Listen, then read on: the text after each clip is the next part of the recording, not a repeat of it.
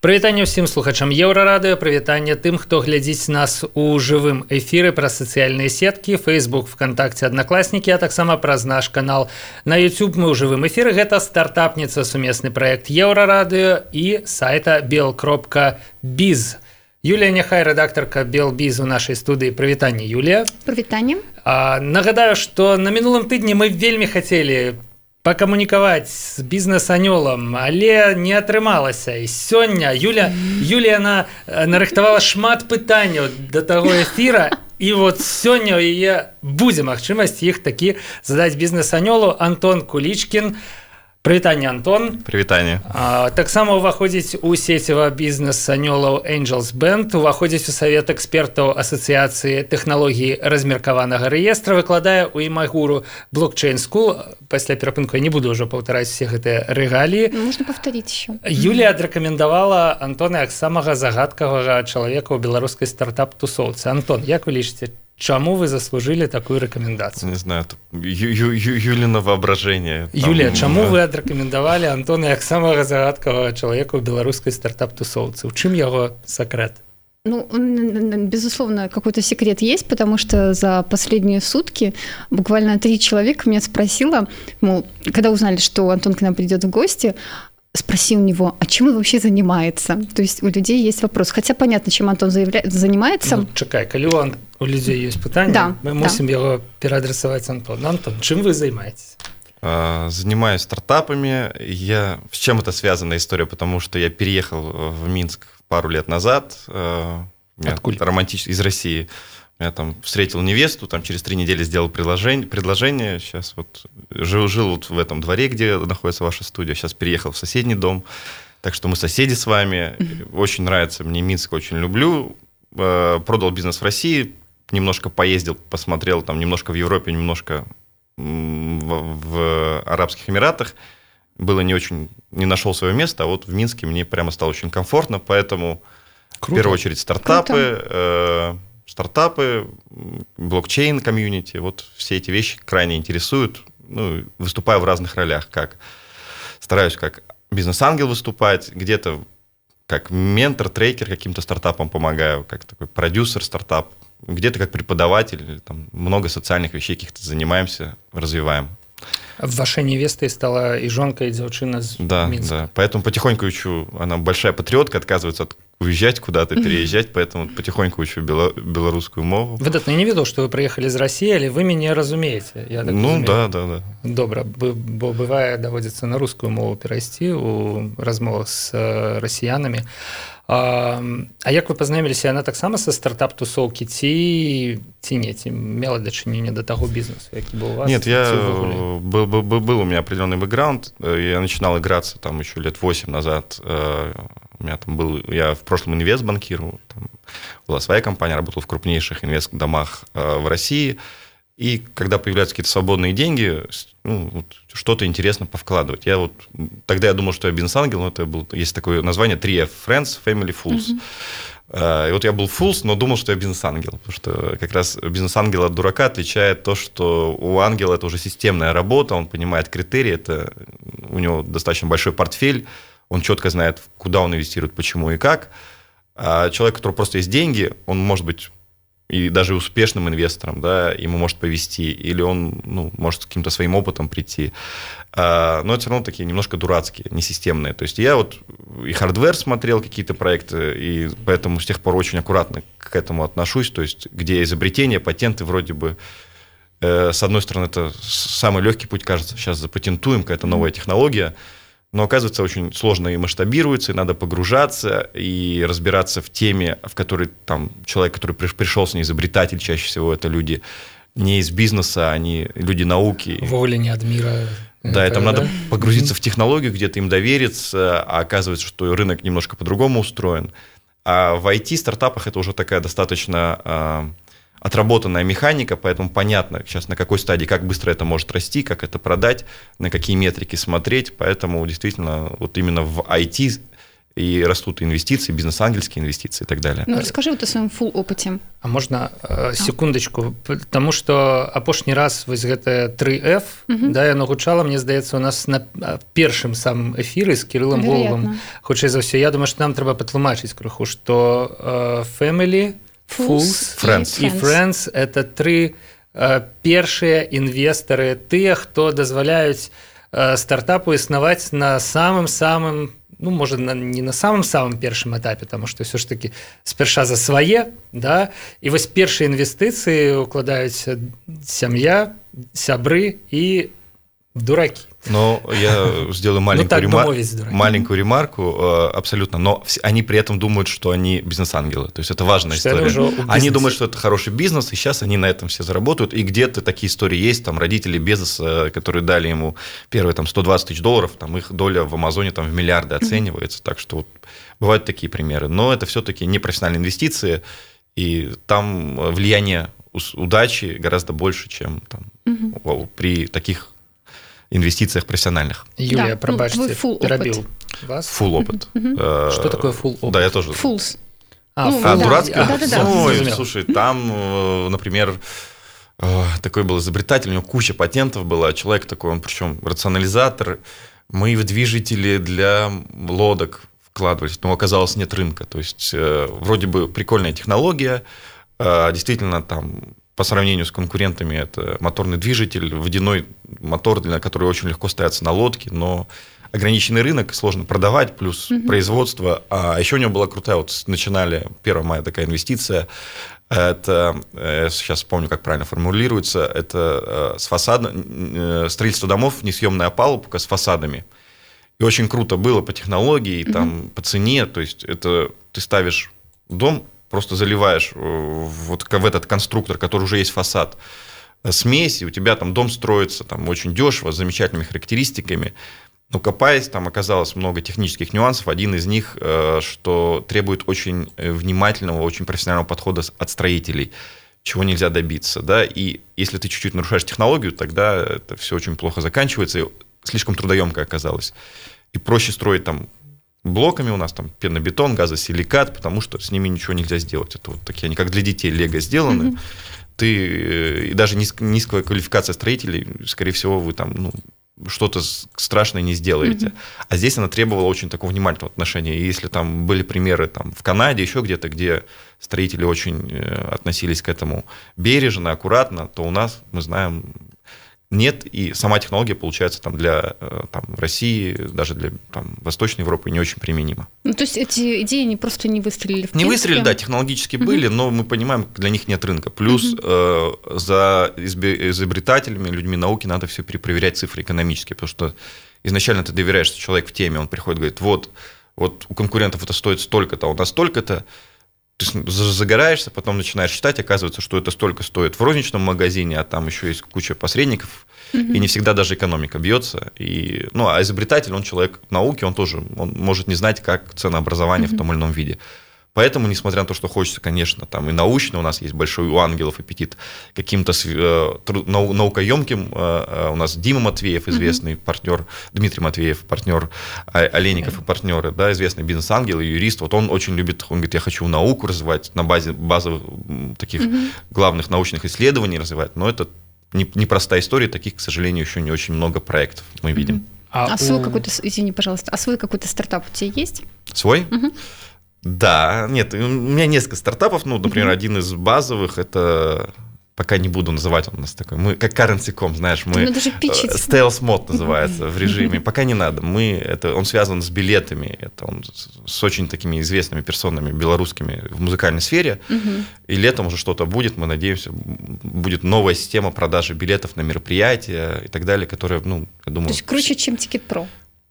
Мы не конкурируем, они тоже классные. У нас мы заходим совсем другого mm-hmm. конца и пробуем совершенно другую бизнес-модель, которой пока еще на рынке нет. Посмотрим, получится mm-hmm. или нет. А второй проект? У меня, ну, я тебе могу много называть. То есть э, мы постоянно смотрим, то есть я там очень помогаю, мне очень нравится проект DAPE. Это ребята uh-huh. делают э, финансирование фундаментальных научных исследований на блокчейне, замечательные. Uh-huh. Там очень люблю CERChain проект. Это ребята сертификации занимаются проблемой с сертификациями. Там и децентрализуют этот рынок, а этот рынок там на 250 миллиардов долларов. Есть там игровые проекты, которые э, там Playhall э, связаны с э, новыми моделями игровой индустрии. Это гигантская индустрия тоже, по-моему, 17 год 130 mm-hmm. миллиардов долларов. Только уже там на блокчейн и там mm-hmm. децентрализованное построение бизнес-моделей mm-hmm. и так далее. То есть проекты есть, присматриваемся, смотрим, mm-hmm. что еще. Вот бывают печальные истории, бывают интересные, так что...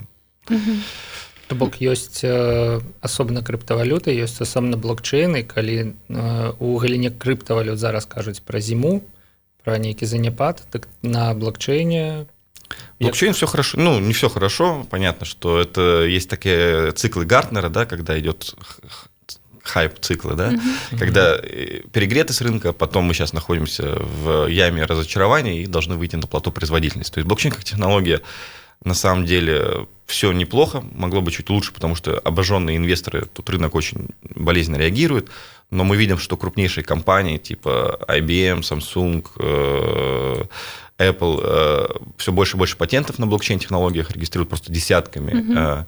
Мы видим крупнейшие банки, мы видим государственный интерес, то есть это и Э, арабские страны и евро, европейские, которые переводят валюту, э, какие-то государственные проекты, реестры государственные. На самом деле мы потихонечку выходим, хайп спал, сейчас надо засучить рукава и работать. То есть ты не, не растерял своего энтузиазма? Нет, нет, конечно. Угу. Нет, технология очень интересная. Якое место Беларуси у гэтым сусветным працэсе? Ну, выдатна, што э, буйныя карпорацыі рэгіструюць патэнты, удзельнічаюць у тым, каб ну, магчыма падзяліць гэтую новую сферу да, паміж сабой. А мы вот эта вся IT-краіна, мы як звычайна на збочыне, ці мы ўсё ж такі граем якую-небудзь хаця б заўважную ролю.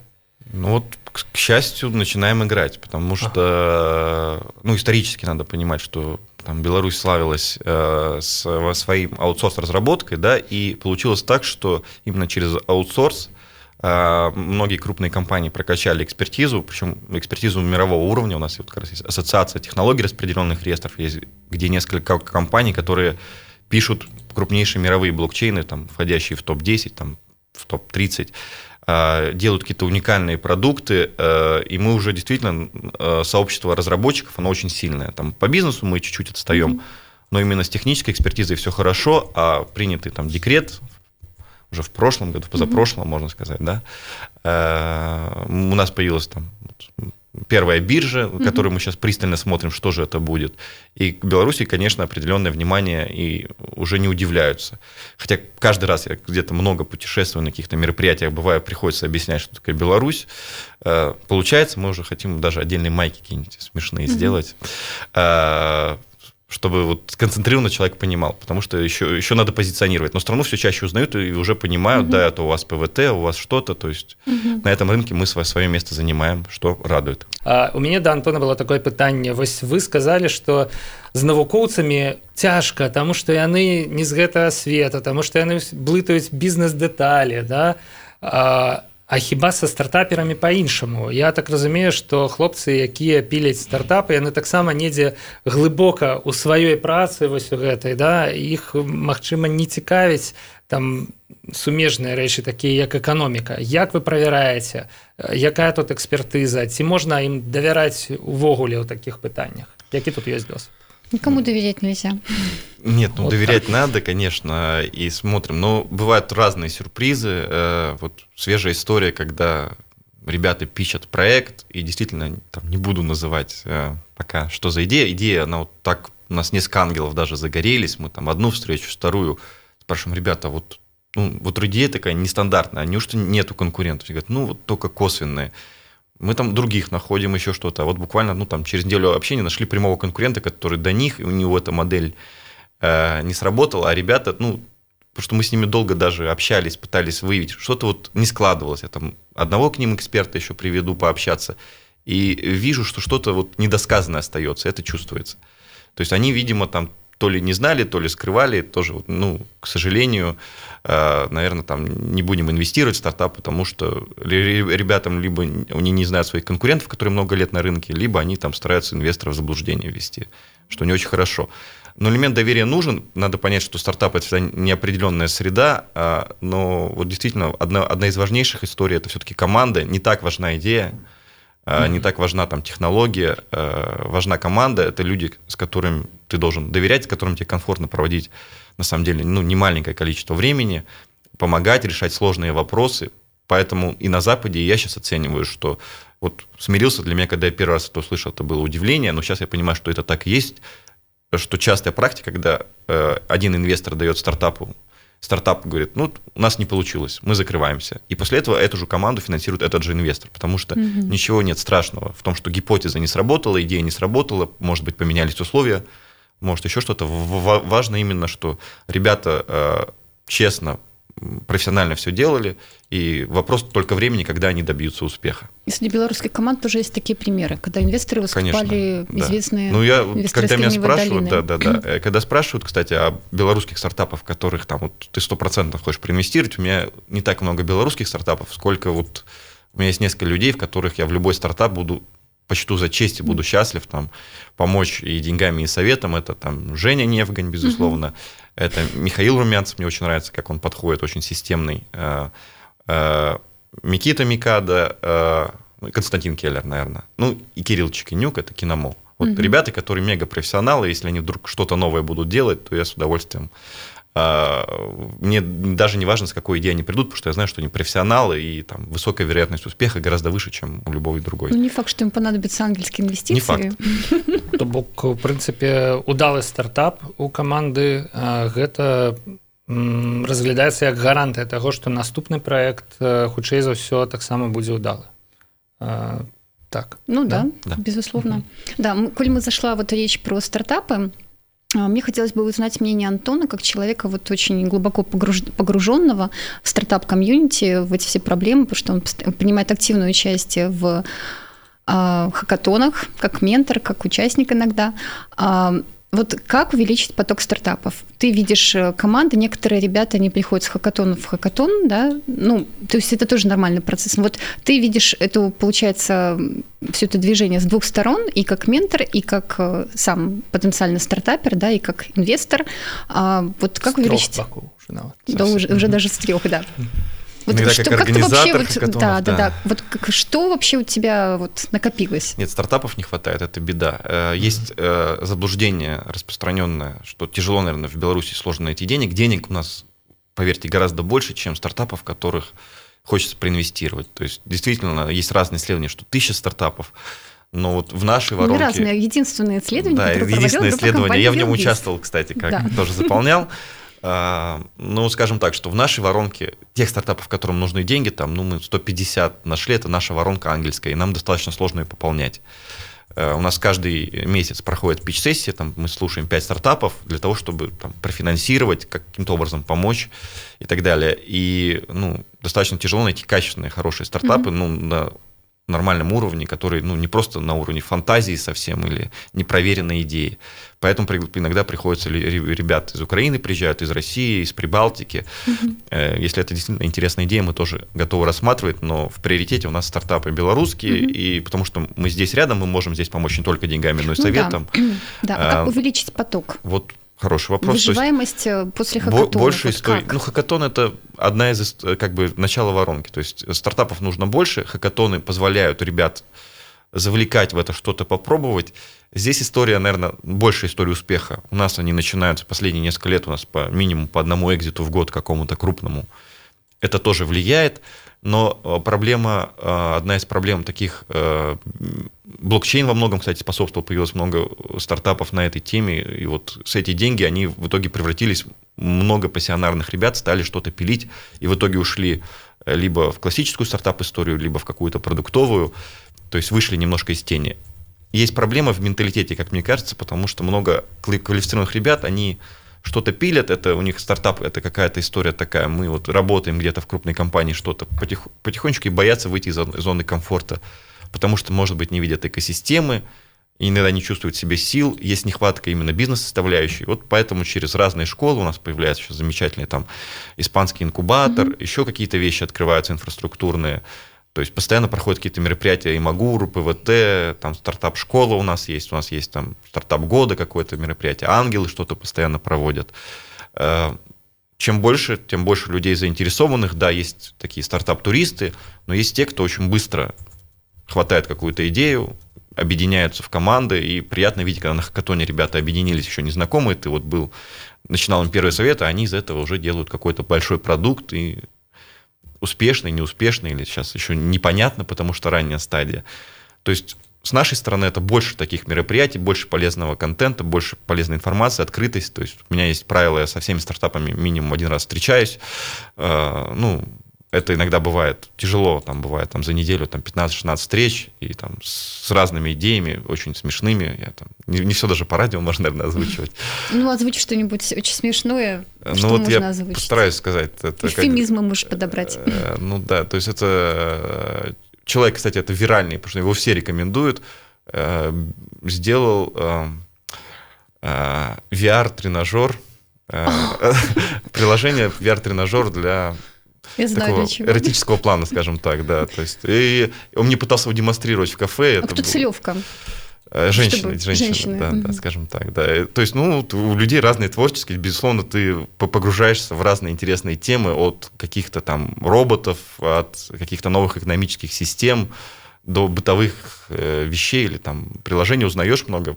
Безусловно, кругозор это расширяет, очень интересно. Но проектов достаточно много. Бок реально есть проект VR-тренажера для женщин. Ты хочешь тоже пригласить, да? Следующий герой И готов. капу мы уже в эфире, м, я кого-нибудь журналисток запрошу и Пробовать? Ну, протестуем. Нет, там надо понять, что э, как бы он для женщин, а мне вот демонстрировали, хорошо, там нарисованные все, как бы, очень подробные люди, но я говорю, в кафе, в публичном месте, говорю, смотри, как классно, и у меня сейчас там... э, Я говорю, зачем тебе деньги? У меня сейчас там, говорит, 29 после, я хочу там 70 сделать. Я говорю, ну, отлично. Так ты бы инвестировал? Ну, в этот проект нет. Почему? Ну, там просто не очень бизнес-составляющая. Там человеку, видимо, очень интересно этим заниматься, но, к сожалению, бизнес-составляющей и я там не Так ему нашел. кофаундер нужен. Э, Ну, смотрите, не каждая хорошая идея должна стать стартапом. То есть, есть определенные там правила. На самом деле, стартапы достаточно скучная вещь, и инвестирование в стартапы это скучная вещь. Потому что есть понятные метрики, понятные требования, и это вот э, ты сразу видишь, да, да, нет, нет, если да, то сколько. В принципе, тое, пра што вы казалі. Чалавек прыходзіць з ідэяй, ну ідэя прадаецца на ўра, да? трэнажор эратычны для жанчын, віртуальная рэальнасць і ўсё такое. Але калі пачынаецца прыкладанне гэтай ідэі гэтага чалавека гэтай каманды да методыкі атрымліваецца што не ўсё ж такі. А, а, а шкада. Магчыма у гэтай кавярні маглі быць закладзеныя аснова беларускай сексуальнай рэвалюцыі. Беларусы да. раскрепасцілись бы як нацыя тут у цэнтры. Европы да што-небудзь бы зрушылася. А так мы канешне мне здаецца крыху кансерватыўныя ў гэтым плане але это было лірычнае адступленне затое у галіне крыптавалютаў мы не вельмі кансерватыўныя я так разумею што ў беларусі працуе першая ну это не першая легальная але Ну, першая первые падтрыманая на дзяржаўным узроўні абсолютно урэгуляваная да а, крыптабіржа як вы лічыце як спецыяліст по тэхналогіі блокчейн ці своечасовы гэты проект ці ў беларусі ён мусіў узнікнуць наколькі гэта лагічна что з ім? Ну, тут двойственное впечатление. Безусловно, надо понимать, что там Виктор Прокопенин стал драйвером принятия вообще декрета и появления этой биржи. Скорее всего, без э, задумки этой биржи и декрета бы мы не увидели и ну, каких-то полезных и интересных к стране и полезных вещей, которые из него вытекают. Биржа, безусловно, очень амбициозный проект. Вот сегодня проверял с утра специально, что там 120 тысяч заявок стоит в очереди. То есть спрос есть, но при этом, к сожалению, еще мало отзывов, а, а, еще не, не очень она по- полнофункционально работает, еще не так много завода вывода денег, очень много вопросов. Есть в ней очень интересные предложения, которые, воз- возможно, станут центром притяжения мировых там, корпоративных денег, да, крупные ко- компании смогут заводить. Но, как, как всегда, у нас все, что это, но это не точно. То есть Ты же попробовал поторговать? еще не пробовал, и мне звали в, в- в ранних последователей. Я не очень большой фанат э, торговли активной, потому что как раз очень много- долго работал, понимаю, э, как и не всем рекомендую так, стать активными трейдерами, потому что история даже про трейдинг на любых рынках, на рынке ценных бумаг, на рынке деривативов, на рынке криптовалют, это либо вы должны понять, что это очень высокорисково и готовы потерять все эти деньги, и главное, надо понимать, что это история про сохранить, а не заработать.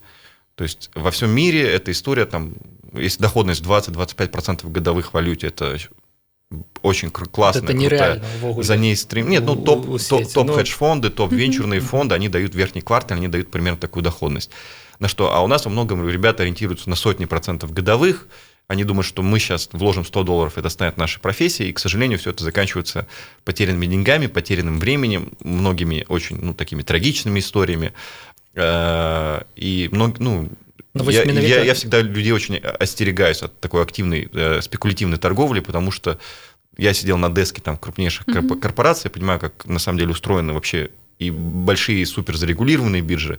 Поверьте, это не клондайк, и э, занимайтесь это ну, просто как хобби, и готов, готовьтесь потерять все деньги, которые там есть, потому что рисков очень много. Но все-таки отвечая на вопрос, что э, Currency.com, да, там э, биржа, которая у нас первая запустилась, она все-таки чем примечательно, потому что у криптобирж были три основных риска.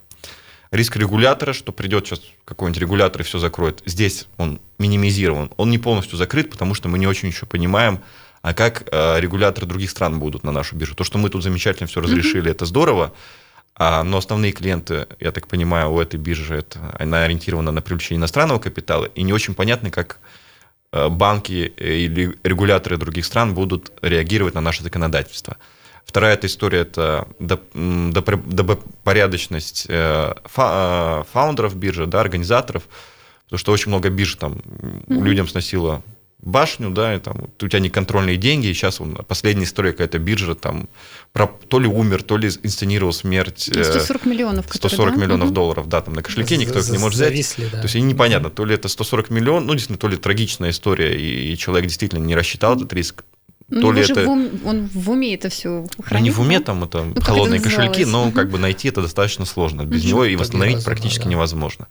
А, и третья история, то есть, ну, эти риски здесь минимизированы, потому что стоят крупные, понятные компании. Но ну, мы, имена... ведаем этих людей. Да, мы хотя бы понимаем, мы понимаем, что это не основной, ну, большой бизнес, но как бы здесь риск это тоже минимизирован. И третий риск – это риск э, кибербезопасности, взломов, от чего страдали много криптобирж mm-hmm. в целом, потому что это все зачастую на коленке писалось.